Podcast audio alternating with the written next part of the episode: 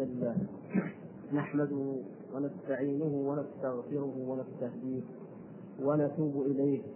ونعوذ بالله من شرور أنفسنا ومن سيئات أعمالنا.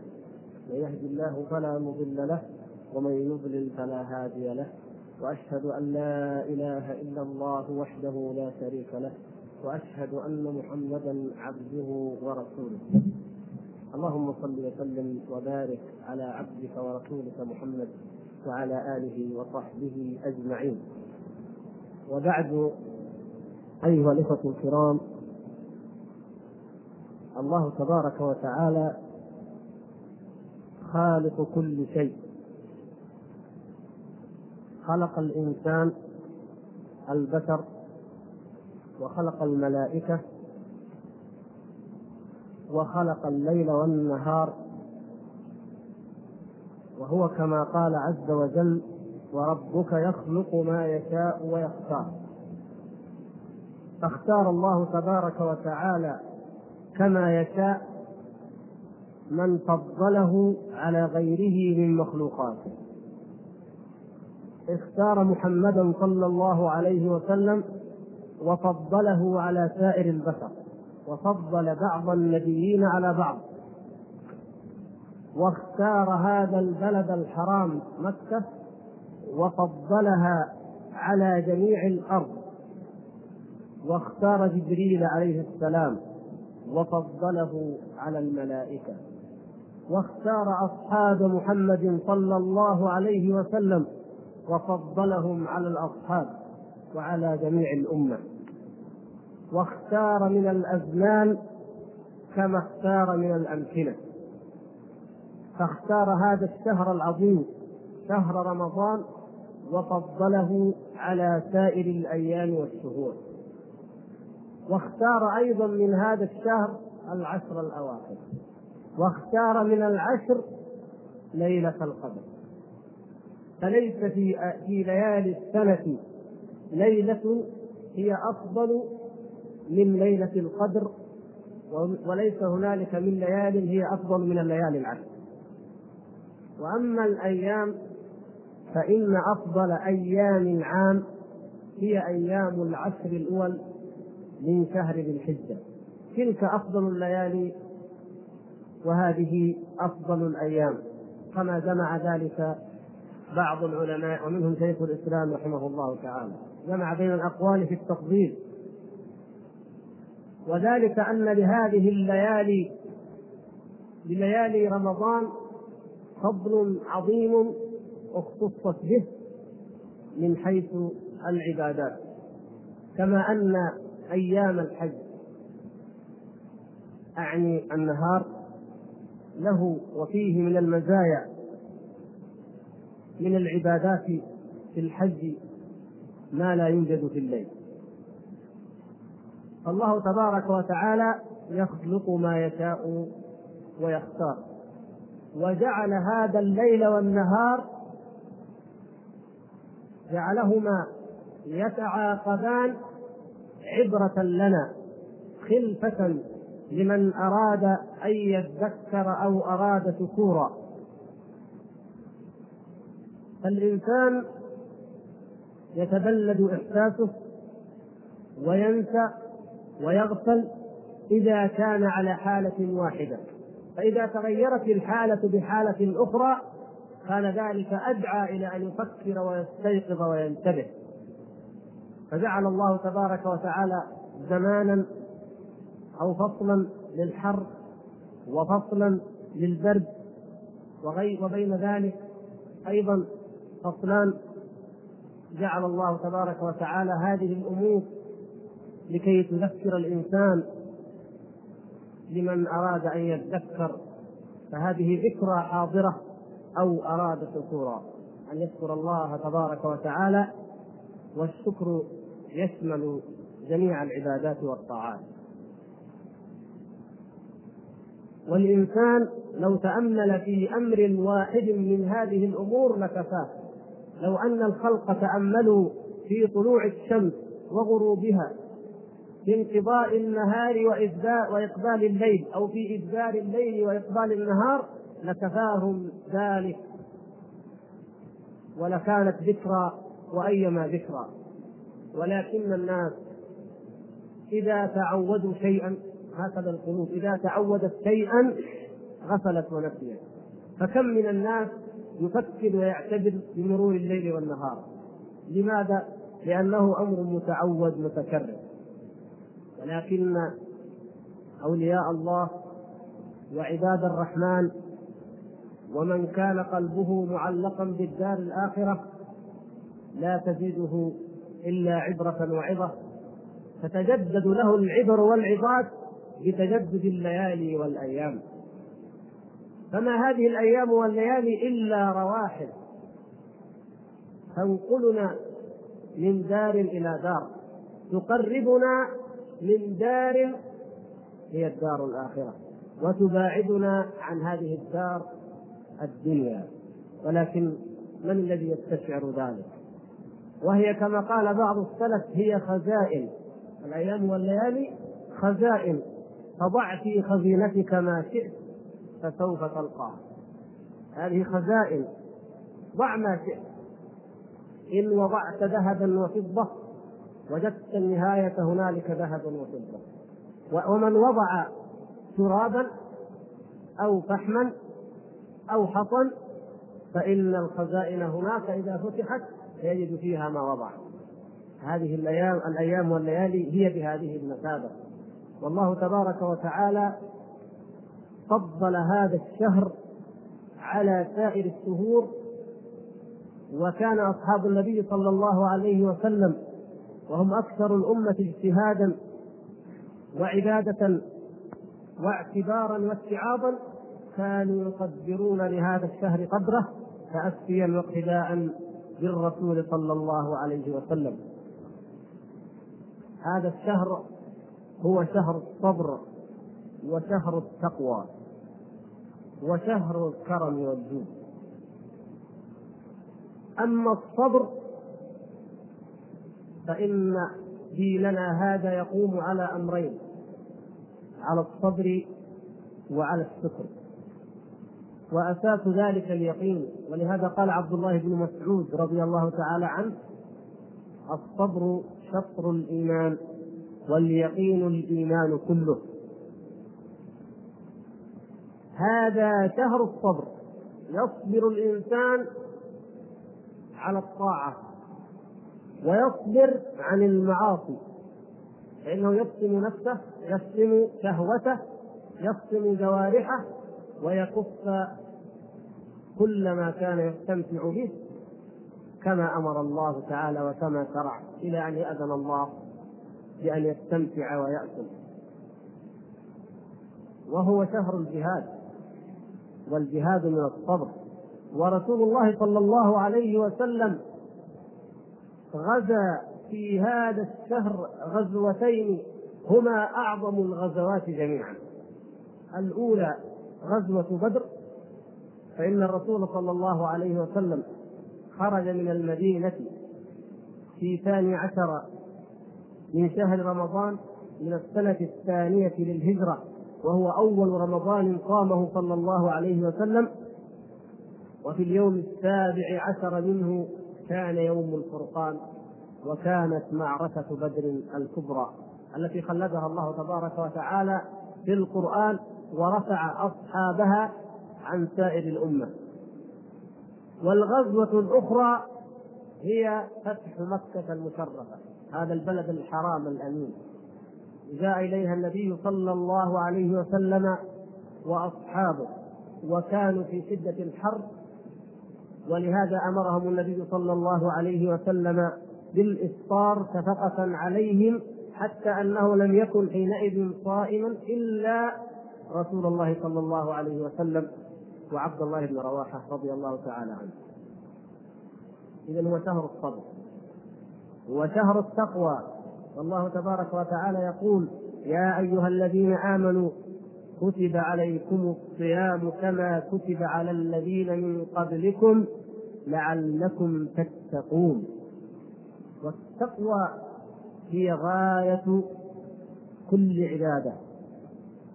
إن الله تبارك وتعالى لا ينظر إلى صورنا ولا أجسامنا ولكن ينظر إلى قلوبنا وإلى أعمالنا كما صح بذلك الحديث عن رسول الله صلى الله عليه وسلم.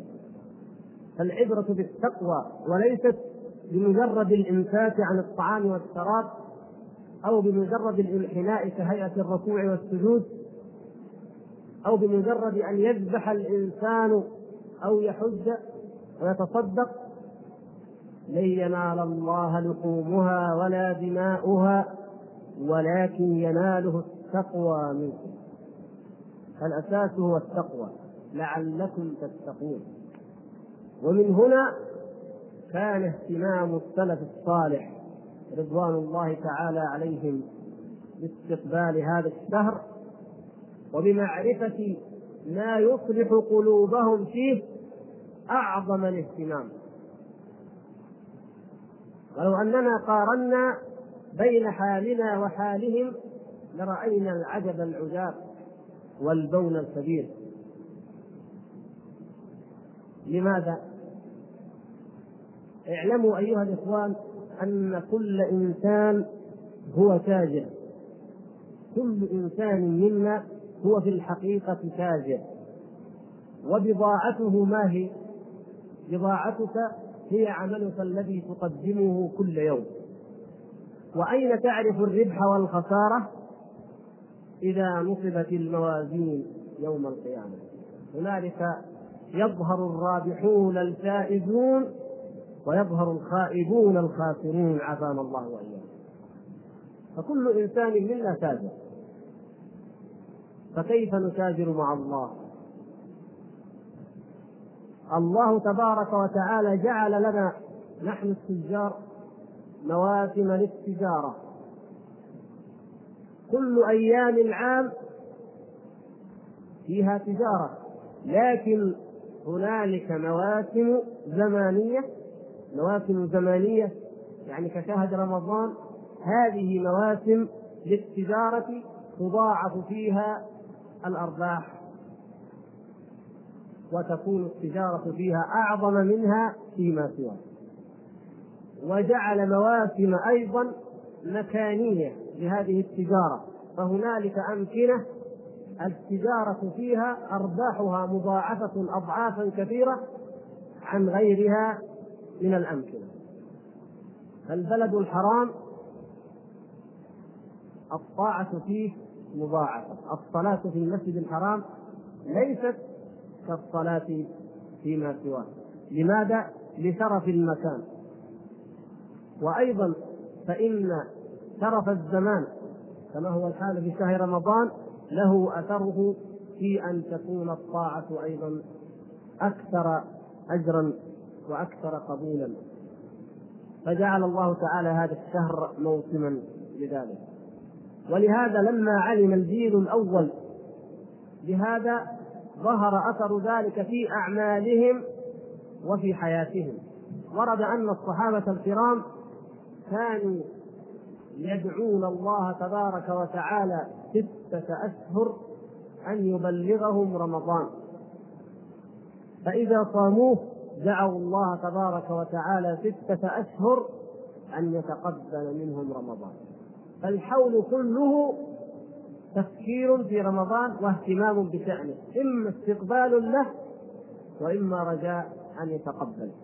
لأنه أشرف ما في الحول ما في العام. ماذا كان يعمل؟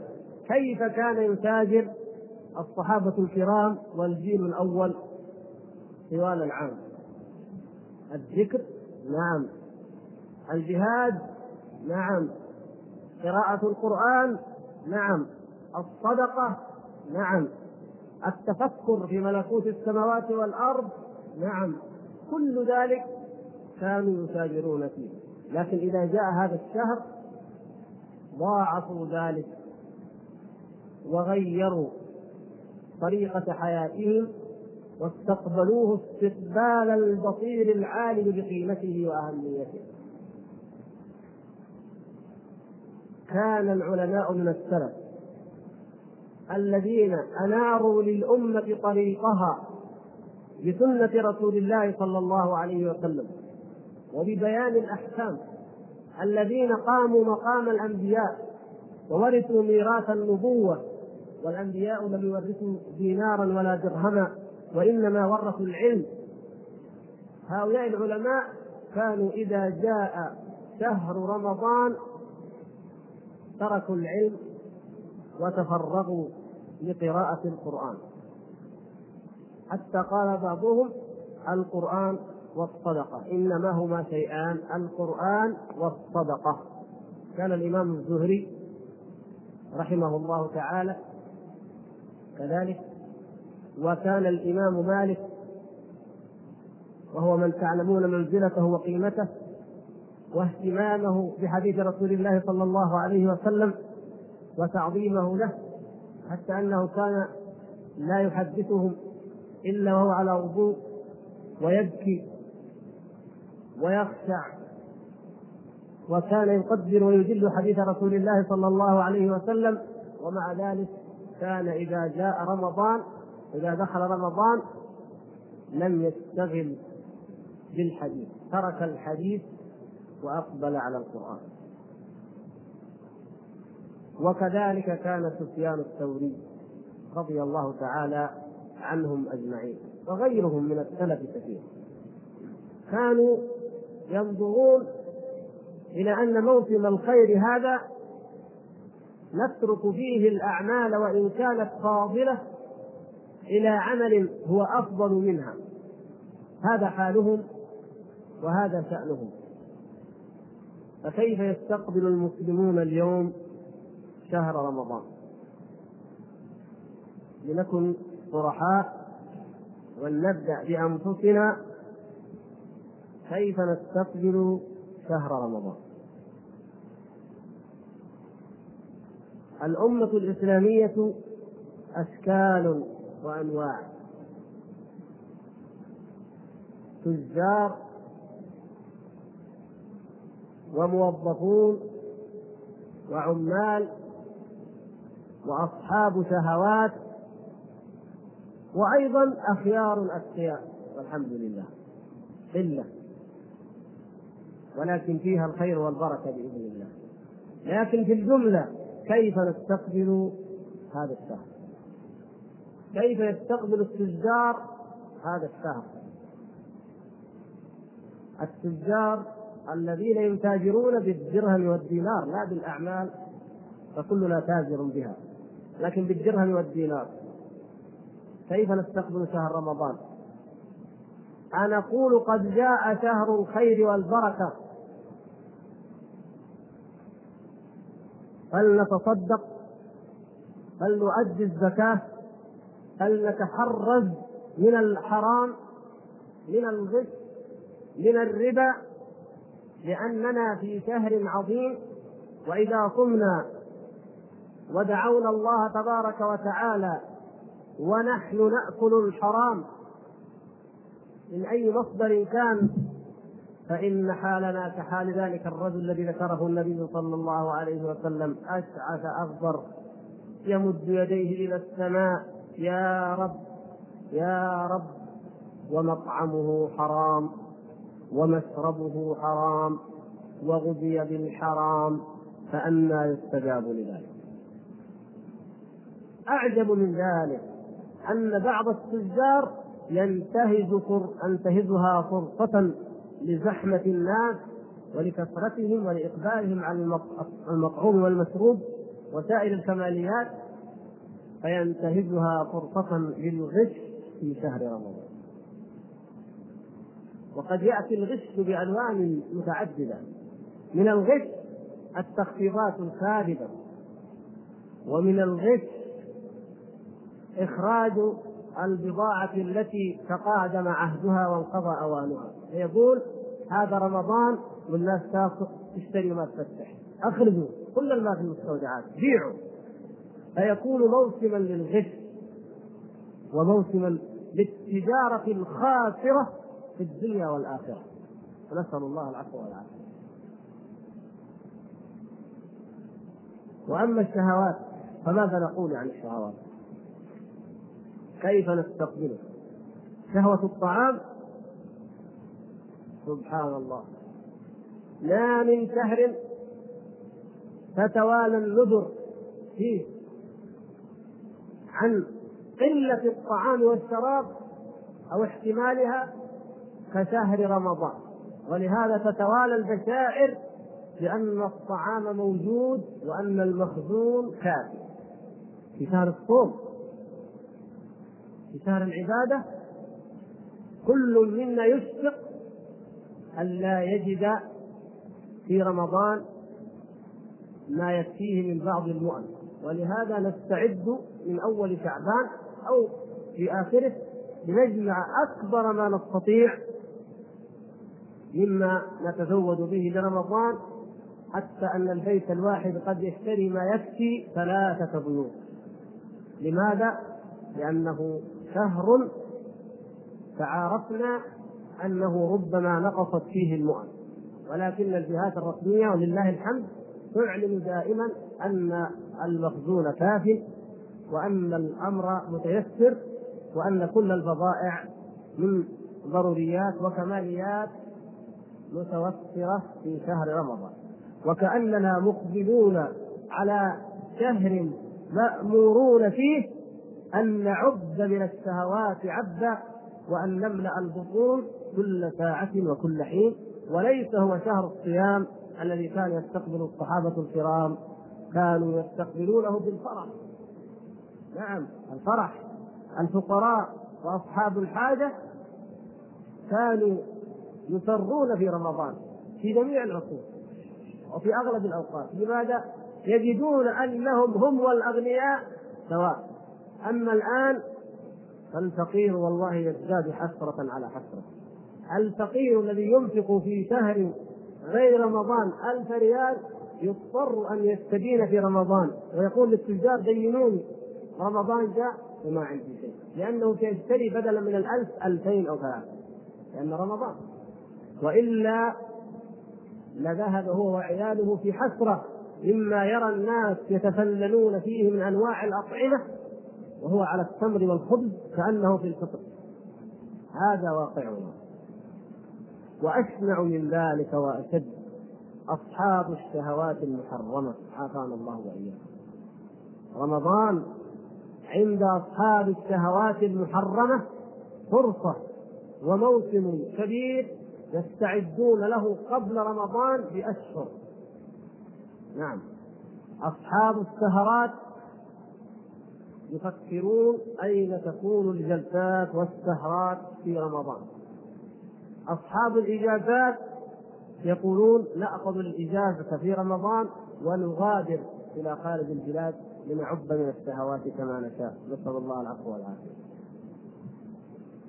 في وسائل الإعلام لأننا نريد الشهوات ولأن فيها من يريد أن نتبع الشهوات يستقبل هذا الشهر بأخبث المسلسلات والتمثيليات وأطول السهرات. في الصحافة. أينما ذهبت تجد الكل يذكرك بهذا الشهر فلتعب عبدا؟ كل ما تراه أمامك إلا ما رحم ربك لا يشد إلا إلى الشهوة والمعصية وإن لم يكن ذلك فهو إلى الشبع وإلى النوم والكسل. فتعاون علينا شياطين الجن وشياطين الإنس ليضيعوا منا هذا الموسم العظيم. إلا ما رحم ربك وقليل ما هم. كيف نستقبل هذا الشهر العظيم؟ كما استقبله أولئك الجيل الذين اصطفاهم الله تبارك وتعالى على جميع الأمة. لا بد أن نسأل أنفسنا هذا السؤال وأن نعد الإجابة. إن كنا حقا نغتنم أوقات الخير وفرص الخير ومواسم الخير ونتاجر مع الله ونريد أن تكون تجارتنا معه رابحة مربحة فلنعمل كما عملوا والطريق أمامنا أمامنا ميسر ولله الحمد. فلنستعد لشهر رمضان بإيمان صادق بالله سبحانه وتعالى؟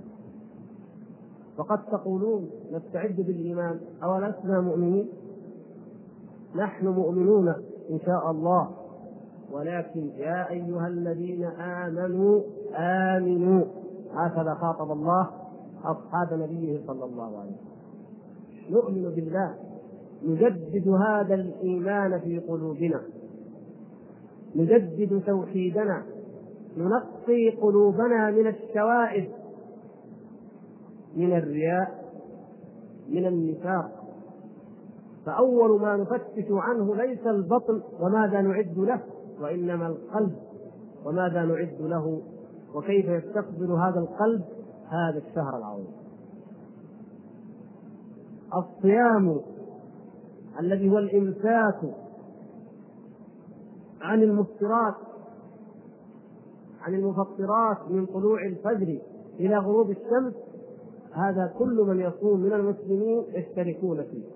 لكن الصيام الحقيقي الذي يجب أن نعد أنفسنا له ونوطن قلوبنا عليه هو أن نطهر قلوبنا وأن نزكيها وأن تصوم هذه القلوب عما حرم الله تبارك وتعالى. إذا كان الشرك والرياء والنفاق وما أشبهها إذا كانت كبائر ومصائب في الفطر في شعبان أو رجب فهي في رمضان أعظم وأعظم. أن نستقبل هذا الموسم بقلوب خالية من ذلك. إذا كان الغش والغل والحقد والحسد للمسلمين والشحناء والبغضاء والعداوات بين الإخوان وبين الأرحام وبين الزملاء وبين الجيران إذا كانت حراما في سائر العام وهي كذلك فهي في رمضان أشد حرمة ويجب أن ننتهز هذه الفرصة لنقلع عن هذه المحرمات التي تأكل قلوبنا تشغل قلوبنا وتأكل حسناتنا إذا كان النظر إلى المرأة الأجنبية حراما في سائر العام فهل يراه الصائم؟ هل يستحله الصائم في الليل أو في النهار؟ لا. هو حرام في هذا الموسم وقبيح أن تجعل أن تجعل موسم الطاعة كغيره. في الطاعة لا يليق بك أن تجعل موسم الطاعة كما كغيره ممن ليس موسما في الطاعة. فكيف إذا جعلته أقبح للمعصية نسأل الله أن يعافينا وإياكم. إذا صام القلب عن الشهوات المحرمة وصامت الأذن عن سماع الحرام وأكثر المسلمين لا تصوم آذانهم لا في رمضان ولا في غيره. وكيف تصوم الأذن؟ ومزمار الشيطان المزمار المعازف الموسيقى لا يكاد يخلو منها بيت بل ولا ربما لا يكاد يخلو منها سيارة هل صامت الأذن؟ ما صامت هل صامت عيوننا؟ كيف تصوم والإنسان لا يكاد يفطر إلا ويشد إلى تلك المناظر المحرمة وربما امتدت السهرات إلى طلوع الفجر إلى وقت السحر. ثم بعد ذلك يكون النوم ويكون الخذلان. كيف يكون حال حال أسواقنا في هذا الشهر العظيم؟ تعمر بما لا تعمر به في سائر الأيام. ويا ليت أنها تعمر فقط بالبيع والشراء. ولكن للمعاصي للتبرج بالسفور والاختلاط بالنظرات المحرمة وبالغش وبالنجش وبالغبن وبما لا يرضاه الله تبارك وتعالى. حتى أن الإنسان إذا رأى هذه المناظر لا يصدق أنه في رمضان وأنه في أمة الإسلام. ولو كنا نستقبل هذا الشهر استقبال المؤمنين الأوابين لكان أول ما يخف ويقل حتى يكاد يتلاشى هو الأسواق. نعم حتى في المباح. اللائق أن يقل إقبال الناس حتى على شراء المباحات. لماذا؟ لانصرافهم إلى اغتنام هذه الأوقات بالعبادة. ولكن ليالي رمضان تشهد من الحركة ما لا يشهده سائر العام. ولهذا لا نجد الصبر ولا نجد التقوى كما ينبغي لنا وكما أمرنا الله تبارك وتعالى. وإن شئتم أن تروا دليلا واضحا على أن هذه الأمة لا تقدر رمضان حق قدره وأنه يجب علينا أن نأخذ بأنفسنا وبإخواننا المسلمين إلى طريق الخير ونذكرهم بذلك. فانظروا إلى حالنا قبل رمضان وإلى حالنا بعد رمضان. وإن شئتم أن أحدد فانظروا إلى حال هذه الأمة أيام العيد. إن علامة الطاعة علامة قبول الطاعة الاستمرار في الطاعة. وعلامة ردها أن تعقب بمعصية. عافانا الله وإياكم. لو كنا نستعد لرمضان ونستقبله استقبال المؤمنين الأوابين لظهر أثر ذلك فينا في رمضان. ولو كنا نصوم رمضان كما يجب أن نكون وكما ينبغي أن نكون لظهر أثر ذلك فينا فيما بعد رمضان. ولكن لا هذا ولا ذاك. العيد كأنما هو عقال صدق فلننطلق ولنفعل ما نشاء. الناس الذين كانوا في ليالي رمضان يسرحون ويمرحون في الأسواق ويتركون زوجاتهم وبناتهم يتبرجن فيها ويغفلون. هؤلاء الناس يزدادون أيام العيد. لكن أعجب من ذلك أن الذين كانوا في رمضان وأعني بذلك البعض وربما الكثير الذين كانوا في رمضان يقرؤون القرآن ويصلون التراويح تجدهم في أيام العيد مشاركين لأولئك وكأنهم منهم وحالهم كحالهم.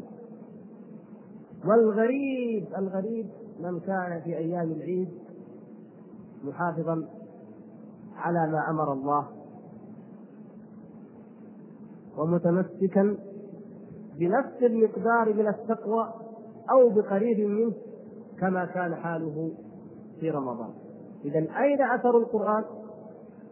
أين أثر التراويح والقيام؟ أين أثر الصيام؟ قليل. وربما كان معدوما. اذا يجب أن نعلم أننا ما دمنا كذلك فإن واقعنا هذا لن يتغير أبدا. إن الله لا يغير ما بقوم حتى يغيروا ما بأنفسهم. المسلمون اليوم أذل أمم الدنيا جميعا. وفي الفقر أفقر شعوب العالم في العالم الإسلامي أيضا. بالمرض بالجهل بكل مصيبة تصيب المسلمون لهم فيها أوفر الحظ. مع أن القرآن بين أيديهم مع أن السنة بين أيديهم مع أن مواسم الخير تمر عليهم وتأتيهم. لماذا؟ لأنهم لم يغيروا ما بأنفسهم. لو صاموا حق الصيام لتغيرت حياتهم. لو حجوا حق الحج لتغيرت حياتهم لتبدل هذا الذل عزا ونصرا. لأعقب هذا الخذلان توفيقا وسدادا. لانتقلنا من هذا الهوان والجوع والفقر والمرض إلى العزة والعافية والقوة والتمكين كما كان الصحابة الكرام رضوان الله تعالى عليهم. إذا الصوم هو الصوم. الإمساك عن الطعام والشراب هو هو. لم يتغير في الجيل الأول وفي هذا الجيل. لكن أين القلوب من القلوب؟ وأين الأعمال من الأعمال؟ وأين الصيام من الصيام؟ لم لا نفتش هذه القلوب ونحن ولله الحمد؟ لا نزال. في فسحة لم يدخل الشهر بعد. وأمامنا الفرصة. لم لا نفتش قلوبنا؟ ونفتش أموالنا. أهي من حلال أم حرام؟ ونفتش أسماعنا. أتسمع الحلال أم الحرام؟ ونفتش أبصارنا. أترى الحلال أم الحرام؟ ونفتش أيدينا وأرجلنا. نفتش علاقاتنا. كيف علاقتنا مع أهلينا وزوجاتنا كيف علاقاتنا مع والدينا آبائنا وأمهاتنا كيف علاقاتنا مع جيراننا مع أرحامنا مع من ولانا الله سبحانه وتعالى من موظف أو عامل أو طالب تحت أيدينا هل هي كما يرضي الله عز وجل؟ هل نبادر؟ إذا أين التقوى؟ وأين الصبر؟ إن كنا كما هو حال كثير من المسلمين إذا جاء نهار رمضان امتنع عن التدخين ولله الحمد. فإذا أذن المؤذن ربما بدأ البعض بالتدخين قبل التمر أو الماء. أين الصبر؟ موسم الصبر تضيعه. لو صبرت عن هذه المعصية الحقيرة لكان لك في هذا الموسم عبرة وعظة ولم تصرف في معارك أكبر. أين الصبر؟ أين الذي يقول كنت أرى هذه التمثيليات أو المسلسلات وأرى فيها النساء في غير رمضان؟ الآن. وقد أطل رمضان وأضل لن أرى بإذن الله تعالى شيئا من ذلك أبدا. هذه عزيمة. عزيمة تحتاج إلى صبر. وليست ولله الحمد مما يفوت يفوت الإنسان. ما الذي يفوتك لو فعلت ذلك؟ ماذا علينا لو آمنا بالله؟ ماذا علينا لو كففنا أعيننا وجوارحنا عما حرم الله؟ والله لا شيء. بل الفوز الفوز في الدنيا والآخرة. من غض بصره عن الحرام عوضه الله إيمانا يجد حلاوته في قلبه. هذا كلام رسول الله صلى الله عليه وسلم جاء من عدة طرق. إذا غض الإنسان بصره عن الحرام إيمانا ويقينا بأن هذا حرام وامتثالا لأمر الله ورسوله كل المؤمنين يغضوا من أبصارهم ويحفظوا فروجهم. يعوضه الله إيمانا يجد حلاوته في قلبه. وليس بهذه الدنيا قط أعظم حلاوة من حلاوة الإيمان. أبدا. هذه التي إذا ذاقها الإنسان وأطعمها وطعمها ينسى كل شيء. الصحابة الكرام لما ذاقوا حلاوة الإيمان رأينا العجب العجاب. وهيب أراد أن يهاجر وجاء أهل مكة ليمنعوه. الإيمان تحرك تعلق بالمدينة تعلق برسول الله صلى الله عليه وسلم. فشرى نفسه منهم بماله كله في مكة. خذوا كل ما أملك ودعوني فقط فقط بهذا الجسد الذي لا شيء عليه. لماذا؟ لأذهب إلى رسول الله صلى الله عليه وسلم. الإيمان إذا تحرك. سلمان رضي الله تعالى عنه لما حركه الإيمان أخذ يسأل الركبان ويخدم الأحبار والرهبان يريد أن يرى أين هذا أين نبي آخر الزمان حتى رأى رسول الله صلى الله عليه وسلم وآمن به وصدق. كل لذات الدنيا ونعيمها لا يساوي أن تذوق طعم الإيمان وأن تذوق لذة الإيمان. الصحابي الذي كان يقرأ فذاق من طعم القرآن من حلاوة الإيمان وهو يقرأ القرآن ما شغله عن السهام يخرق جسده بسهم وراء سهم وهو واقف منتصب لم يكف عن قراءة القرآن. يا إخوان طعم الإيمان والله غالي. وكل إنسان يمكن أن يجد من مطعومات الدنيا ومشروباتها ما يشاء ولكن طعم الإيمان فضل يختص الله تعالى به من يشاء. فنشتريه بهذا الأمر الزهيد نكف أعيننا عن مشاهدة هذه المناظر الخبيثة السافلة الهابطة.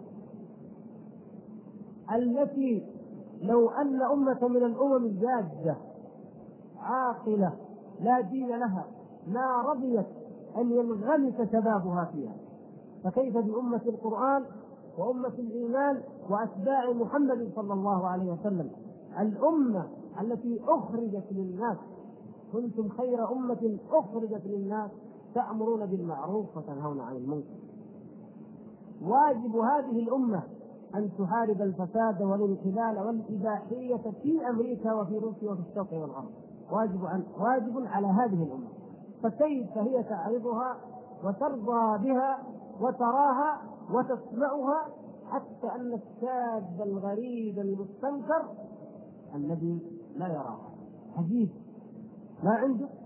ما يشوف هذا عجيب. شاب مستنكر حتى في أوقات الخير وحتى في مواطن إذا نحن لسنا أهلا لأن نتاجر مع الله في مواسم الخير هذه ونحن بهذه الحال وبهذه المكانة.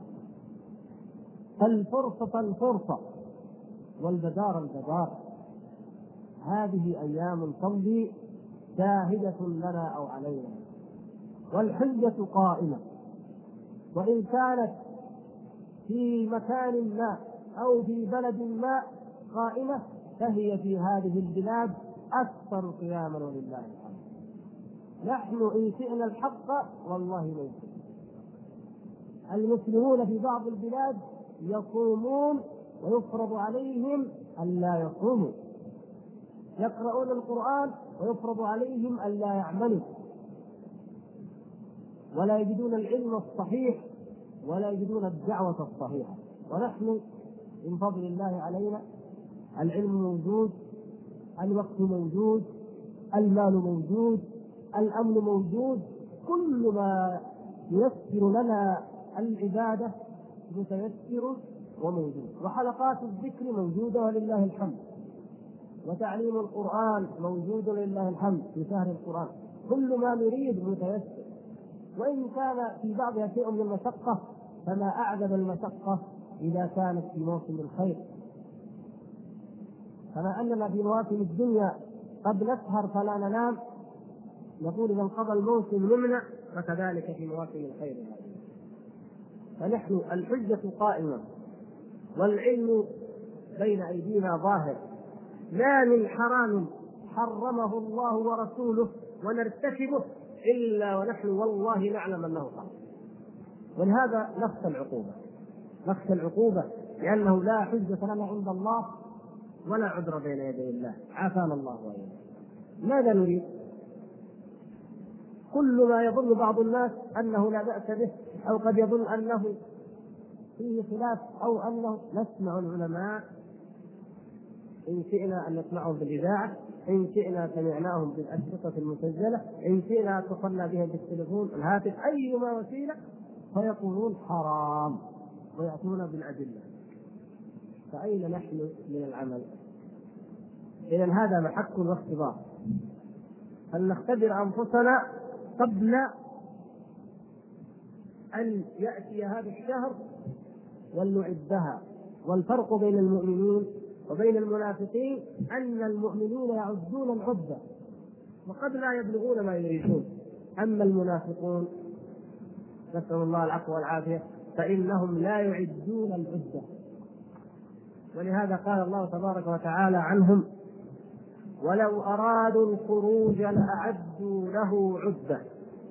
المنافقون لو أرادوا الخروج لو كانوا فعلا وحقا يريدون الخروج لأعدوا له عدة. فمن كان منا الصالحين يعد العدة. من كان صادقا فإن ذلك يظهر في إعداده للعدة.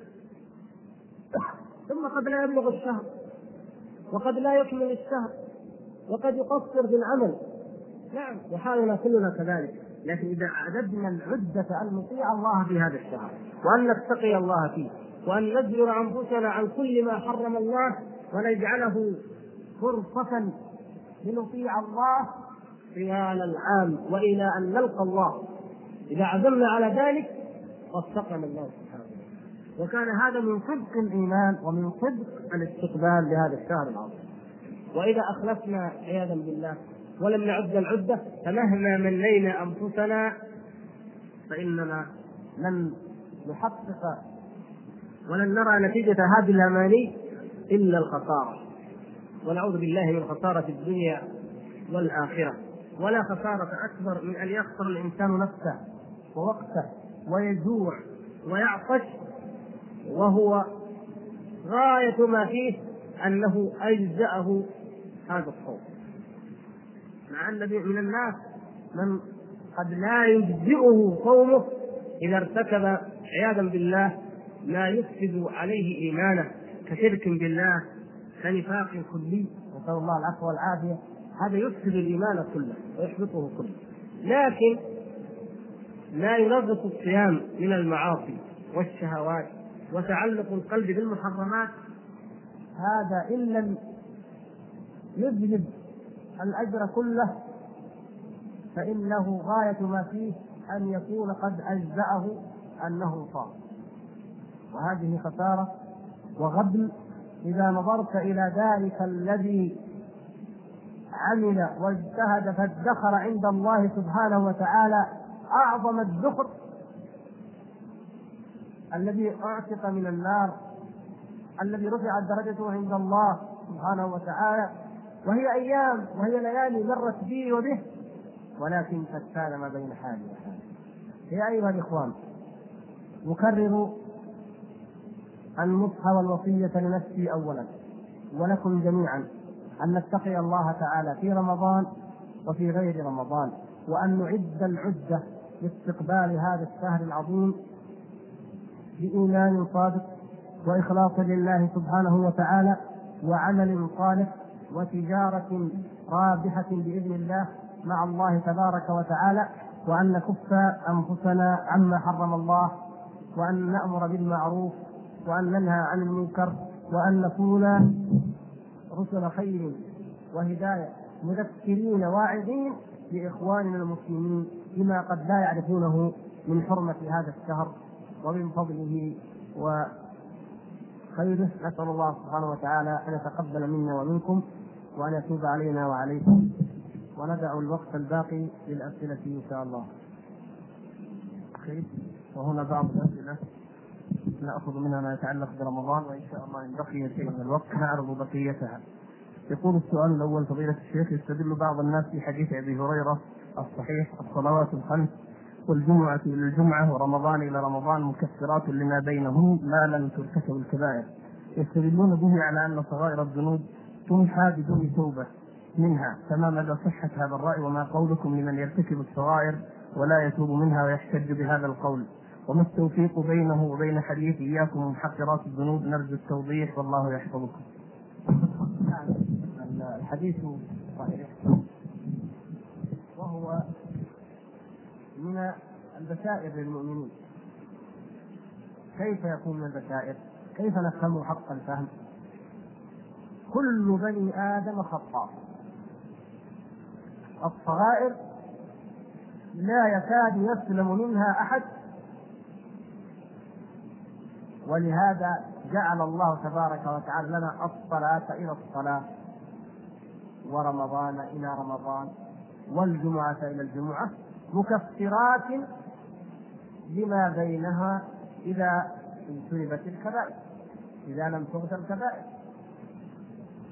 فالناس العباد الصالحون المؤمنون لا يزنون لا يسرقون لا يكذبون لا يرابون لا يسمعون الغناء إلى غير ذلك لأنها محرمات ظاهرة وكبائر واضحة. لكن قليل من يسلم من نظرة من شيء من الصغائر التي قد لا يلقي لها بالا من غمزة أو همزة أو كلمة أو حركة لا يلقي لها بالا. فإذا إذا اجتهد الإنسان إذا أدى الصلاة صحيحة بقنوت وخشوع إذا حضر إلى الجمعة وصلاها كما ينبغي إذا صام على الوجه الصحيح وكما ينبغي له أن يصوم صيام المتقين والصابرين فإن ذلك يكفر عنه هذه الذنوب وهذا من فضل الله سبحانه وتعالى. أما العكس كما يستدل بعض الناس أن يفعل معصية ويقول صغيرة هو يقول صغيرة قد تكون كبيرة لكن هو حكم بأنها صغيرة ثم يصر عليها مع أن الإصرار على الصغيرة التي هي صغيرة يجعلها كبيرة ثم يقول الصلاة إلى الصلاة والجمعة إلى الجمعة ورمضان إلى رمضان مكفرات لما بينهن. لا ليس في هذا ليس هذا هو موضع الحديث. فالإنسان إذا اتقى الله سبحانه وتعالى فإنه يضع مواضع النصوص في مواضعها. الإصرار على أية معصية صغيرة يجعلها كبيرة. ومحقرات الذنوب نعم يجب أن تجتنب كما أمر النبي صلى الله عليه وسلم. وما مثلها إلا كما ذكر صلى الله عليه وسلم. مثل رجل جاء بعود من هنا وعود من هنا وعود من هنا ثم أشعل وإذا بها نار نار تضطرم نعوذ بالله. فهذا هذا هذا هو الشأن وهذا هو الحال. لا تعارض في الحقيقة بين هذه الأحاديث وإنما الخلل في فهم الناس وفي تصورهم لما هي ما هو لحقيقة المعصية لحقيقة الصغيرة والكبيرة. وعلينا دائما يا إخوان نتذكر مواعظ السلف حينما قالوا لا تنظر إلى صغر المعصية وانظر إلى عظمة من عصيت. سبحانه وتعالى. وكما سمعنا في في قراءة الإمام فمن يعمل مثقال إيش ذرة. خيرا يره وأيضا ومن يعمل مثقال ذرة شرا يره فنسأل الله أن يعافينا وإياكم من هذه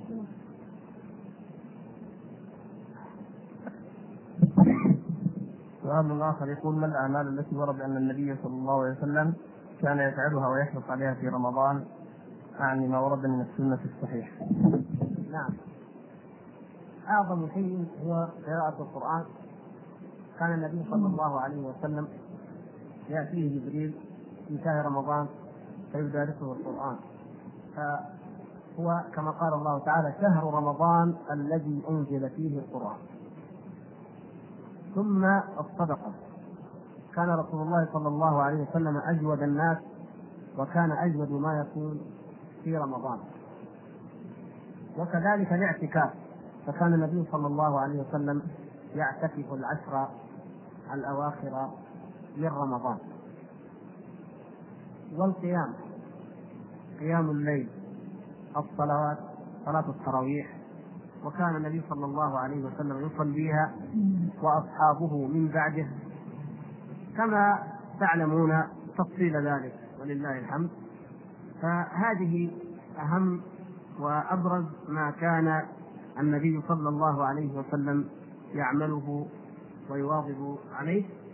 إضافة إلى ما ذكرنا من الصبر فإن النبي صلى الله عليه وسلم وأصحابه كانوا يعرفون أن رمضان شهر الصبر فكان صبرهم عظيما على أعباء الدعوة إلى الله وعلى أعباء الجهاد وعلى طاعة الله وعن معاصي الله وعلى أقدار الله.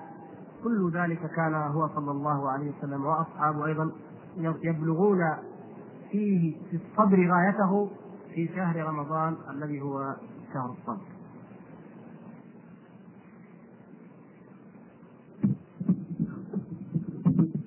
سؤال آخر يقول أفتنا يا سماحة الشيخ في حكم الاستماع لأفلام تلفزيونات في نهار رمضان ولعب الميسر وسماع الأغاني ما هو وقت الإمساك عن الطعام والشراب؟ أشرنا إلى ذلك والقضية أيها الإخوان هي قضية الإيمان والقلوب هذا القلب إن شغل بالحق أثمرت أثمر ذلك طاعات وعبادات وخيرا وبركة في جميع الأعمال. وإن شغل بالباطل واللهو واللعب أثمر ذلك ذنوبا وإجراما وقبائح وشنائع فهل رأيت أحدا ممن يديم مشاهدة هذه المحرمات واستماع الأغاني؟ وسماع الأغاني. هل رأيته خاشعا أوابا لله سبحانه وتعالى. أم أنك لو لو وجدت لو رأيت مجرما محترفا وسألته عن حاله لوجدته مدمنا لهذه المحرمات. ثمرة كل شيء بحسبه. هذه القلوب جعلها الله تبارك وتعالى مقرا ومستودعا للإيمان به ولذكره. اشرف ما في الإنسان قلبه وهذا القلب أعظم واشرف ما يجب أن يشغل به هو معرفة الله وتقوى الله والتعلق بالله هو التفكر في خلق الله وفي أمر الله. جاء شياطين الإنس والجن فأشغلوه بالملهيات وبالمغريات في رمضان وفي غير رمضان فتعلقت قلوب الناس بالشهوات. حتى قرأنا قبل أيام وكلكم قرأتم من يطالبون. ونحن في استقبال شهر رمضان بمسرح أن توجد مسارح وأن يكون فيها نساء. وقالوا ما دمنا نرى المرأة في التلفزيون وفي الفيديو فلماذا لا نراها على المسرح؟ رقص أو تمثيليات أو اختلاط. يريدون أن يكون في المدن الرئيسية وفي كل مكان سياحي. في هذه البلاد الطاهرة مساجد. وما هي الحجة أننا نراها في التلفزيون وفي الفيديو؟ من الذي أحلها هنا حتى تستدل على ذلك هناك؟ استمراؤها واستمرارها وقلة إنكارها هناك جعلها حجة لمن يريدها في مكان آخر. فهذه المنكرات الظاهرة من أعظم ما يجب على الإنسان أن يخلص بيته ويطهر قلبه وعينه منها. إن كنا صادقين مع الله وإن كنا نخاف الله ونتقيه يجب أن نطهر أنفسنا وبيوتنا وأزواجنا وبناتنا وأولادنا من آثار ومن سموم هذه الملاهي الخطيرة. لأنها تدمر الأمة وتدمر المجتمع. ولا تقولوا المسؤولية في هذا على المسؤول عن التلفزيون أو عن الإذاعة أو عن الأغاني لا. المسؤولية على الجميع على الجميع. كل ما يقدم فباسم المشاهدين يقدم لماذا هذا الشيء؟ لو أكثر الناس يريدون وإن كانت أفلاما محرمة وإن كانت من النكات التي قد يكون فيها تعريضا للدين أو استهزاء أو استخفافا أو أي شيء الناس يريدون لماذا يعمر هذا الشهر العظيم بهذه الأمور وهي أقل ما فيها أنها له تصرف عن القرآن؟ قالوا الناس يريدون قاموا وسعدوا ويريدون. فمن من الناس أنكر؟ تأكدوا أن أي شيء ينكره في يوم واحد ثلاثون أو عشرون هذا يتصل بالتليفون هذا يدرك وهذا يكتب خطاب وكذا أنه ربما غير وقد غيرت بعض الأفلام وبعض المصائب غيرت لما استنكرها هذا وهذا وهذا. لكن لما استمرأناها جميعا وسكتنا أصبحنا نقول اللوم على من يعرضها. ولو سألت من يعرضها لقال أنا أعرض ما يريد الناس والناس ساكتون. اذا المسؤولية على من؟ على الجميع. أنت الذي بنفسك تأخذ. ولو بقي الأمر في حدود ما يعرض عامة لقلنا ربما. لكن أليس الناس يشترون اللهو كما يشاءون؟ يشترون الافلام والأشرطة كما يشاءون وينوعون وفيها من الفساد غير ما يعرض عرضا عاما على الناس. هذا واقع الناس إلا من رحم الله. إذا الاستعداد لدينا نحن للشهوات موجود. لكن إذا سئلنا قلنا يا أخي إيش نسوي؟ الحق عن اللي يعرضه وكأننا مجبورين. كأننا كتفنا بالسلاسل وربطت عيوننا وقيل انظروا ولا بد أن تنظروا. من الذي قال ذلك؟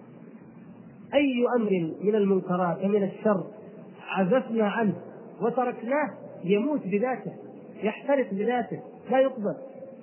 لكن لو عرضت شرور وشبهات على هذه الأمة لأقدموا عليها. نحمد الله أن هناك موانع كثيرة تحول دون كثير من الشهوات وإلا لرأينا الإقدام عليها يفوق التصور لماذا؟ لأن الاستعداد في القلوب موجود فلا أحد يخفى عليه حرمة الأفلام هذه أو الميسر أو الأغاني في كل شهر وحين وهي في رمضان أشد واغلظ كما ذكرنا. يقول السائل نريد من فضيلتكم أن تجعل لنا طريقة مثالية نقضي بها وقت رمضان من أول اليوم إلى آخره.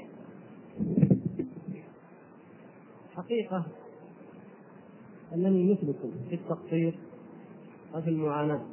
ونسأل الله سبحانه وتعالى أن يعفو عنا وأن يغفر لنا وأن يبصرنا بعيوبنا وليس هنالك من طريقة أفضل من طريقة النبي صلى الله عليه وسلم وصحبه والسلف الصالح. يعمر النهار بالصيام صيام الجوارح وصيام القلب أيضا وبقراءة القرآن ومدارسته. والليل بالقيام وتترك لهذه النفوس أوقات للراحة. وكل بحسبه لا أستطيع أن أقول ضعها أربع ساعات أو ثلاث. كل إنسان بحسبه وبقدر طاقته واجتهاده. فهو موسم خير. من يتنافس فيه فلينافس بما استطاع كما يشاء. فليس هنالك من صورة محددة لذلك وإنما أكرر في أمر هو أعظم ما في هذا الشهر كما رأينا من سيرة النبي صلى الله عليه وسلم ومن سيرة السلف وهو القرآن. القرآن يا إخوان. حتى قال بعض العلماء إن ختم القرآن الذي يكره ولا ينبغي في أقل من ثلاث إنه مخصوص برمضان. وفي رمضان من استطاع أن يختمه في أقل فليفعل.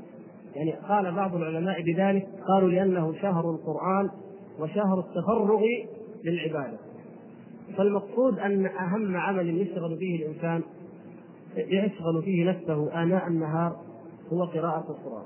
وفي الصلاة الحمد لله سيصلي أيضا جماعة فيسمع القرآن. ففي الحقيقة فأن الشهر كله شهر قرآن. والفكر أن نتفكر فيما نقرأ وفيما نسمع. لأنها فرصة عظيمة أن نسمع كتاب الله تعالى كاملا مرة أو مرات في شهر واحد. فلننظر ما أعظم ما نهى الله عنه في كتابه؟ ماذا حذر منه؟ ماذا أمر به؟ ماذا أوصى به؟ لأن هذا القرآن خطاب لنا أنزل لنا نحن يخاطبنا. وليس مجرد آيات تسمع بالآذان ونقول صلينا أو سمعنا.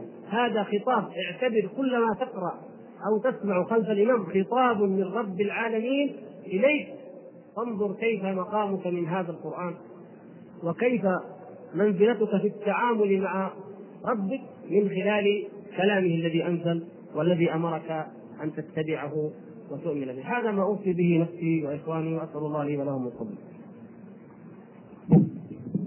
يقول السائل أخي لا يصلي هداه الله ويصوم. فهل صومه مقبول؟ وفي بعض الأحيان يساعدني ببعض النقود. وهو كما قلت لا يصلي. فهل يجوز أخذ النقود منه؟ أما بالنسبة لصيام من لا يصلي فلا يقبل منه. لأن ترك الصلاة كفر. كفر مخرج من الملة. وتارك الصلاة بإطلاق مرتد. كافر والكافر لا عمل له. وقدمنا إلى ما عملوا من عمل فجعلناه هباء منثورا. وصيامه ليس عن إيمان وإنما هو عن عادة عن عادة وعن مسايرة للناس. ولو صام من صام عن إيمان لما ترك الصلاة قط والأدلة على كفر تارك الصلاة مشهورة معلومة وقد روى ثلاثة أو اثنان من الصحابة وأحد التابعين نقلوا أن الصحابة الكرام أجمعوا على أن تارك الصلاة كافر أما بالنسبة إلى المال وإلى النقود فإن كان هذا الأخ لا يجد نفقة إلا عن طريق أخيه الأكبر أو والده الذي لا يصلي فإنه يأخذ منه ولا حرج عليه إن شاء الله تعالى ذلك له ذمته وعليه وزر ترك صلاته وعليه وزر أيضا هذا المال الذي يتنعم به ولا يطيع ربه. وأما ذلك فلا حرج عليه إن شاء الله. ولكن إن استغنى فهو خير له حتى يكون من كدح يده أو من مصدر صاف نقي. والله أعلم. نعم هو من أجل ذلك من أجل أن أخذه للمال قد يجعله يقصر في دعوته أو في الأمر المعروف أو في النهي عن المنكر. لا شك أن من ينفق عليك فأنك ترى أن له عليك حقا وفضلا وأن تغض النظر عن كثير مما ترى وتعمل. نعم هذا من أحد من الأسباب. يقول كثير من الناس ينام كثيرا في رمضان ويقول النوم في رمضان عبادة هل هذا صحيح؟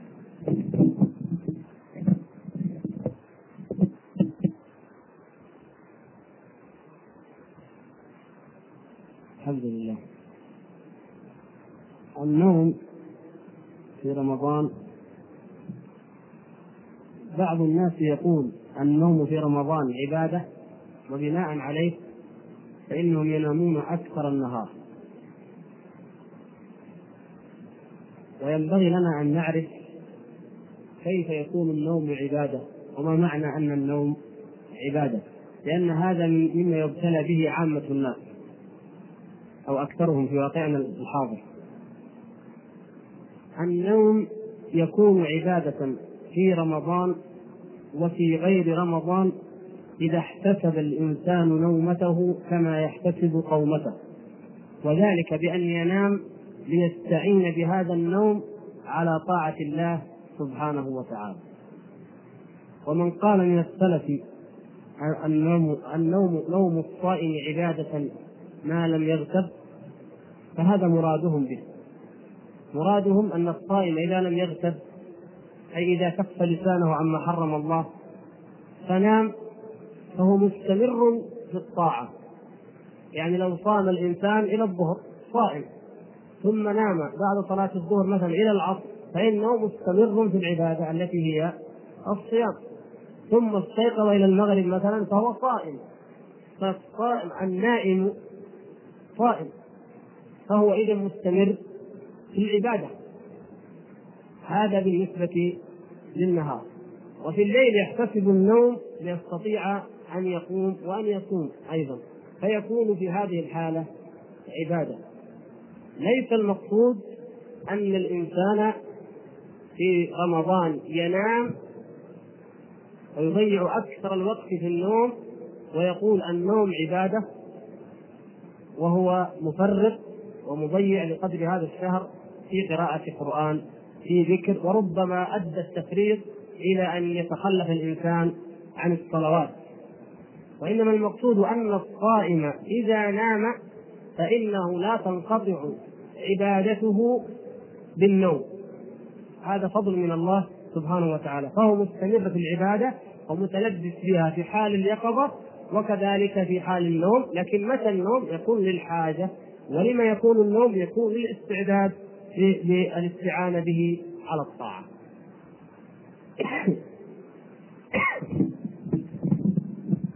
يقول السائل ما حكم الإفطار في رمضان في السفر؟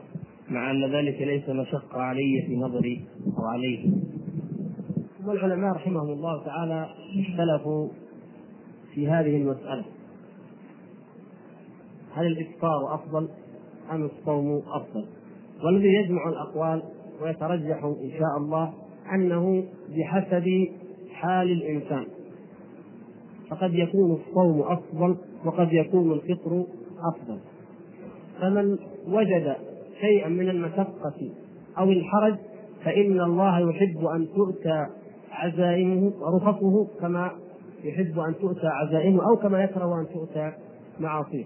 فإما يحبه الله أن تؤتى رخصه أيضا. بل يأخذ برخصة الله سبحانه وتعالى وإذا اشتد عليه الجهد والمشقة فإنه يحرم عليه أن يصوم ولهذا أمر النبي صلى الله عليه وسلم من صام واشتد عليهم ذلك أمرا كحال الرجل الذي كانوا يظلمونه من شدة الحر لأنه كان صائما ففي هذه الحالة لا يجوز الصيام.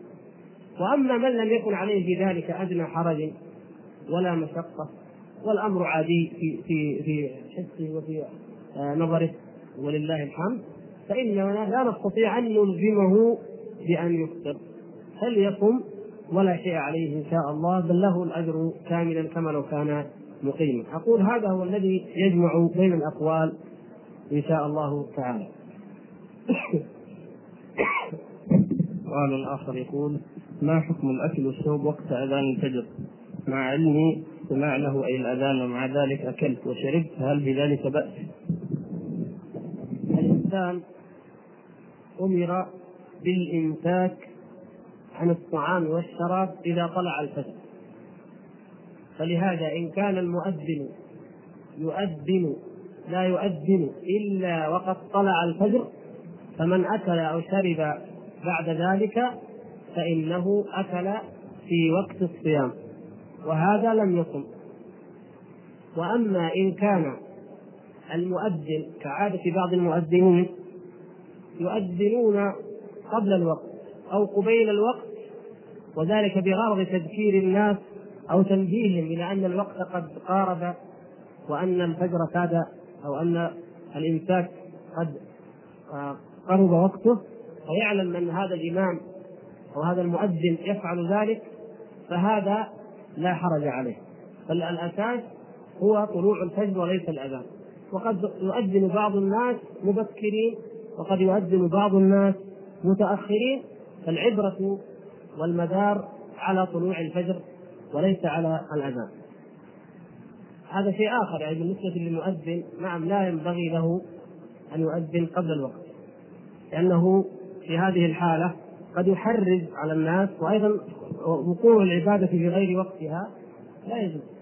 لكن نحن نتحدث عن واقع مشاهد أن بعض الناس بعض المؤذنين في بعض المناطق من عادتهم أنه يحتاط ويقول أنا إن شاء الله لا اتى يدا مثلا دقيقتين أو ثلاث فقط لكي يحتاط الناس ويكفوا عن الطعام والشراب.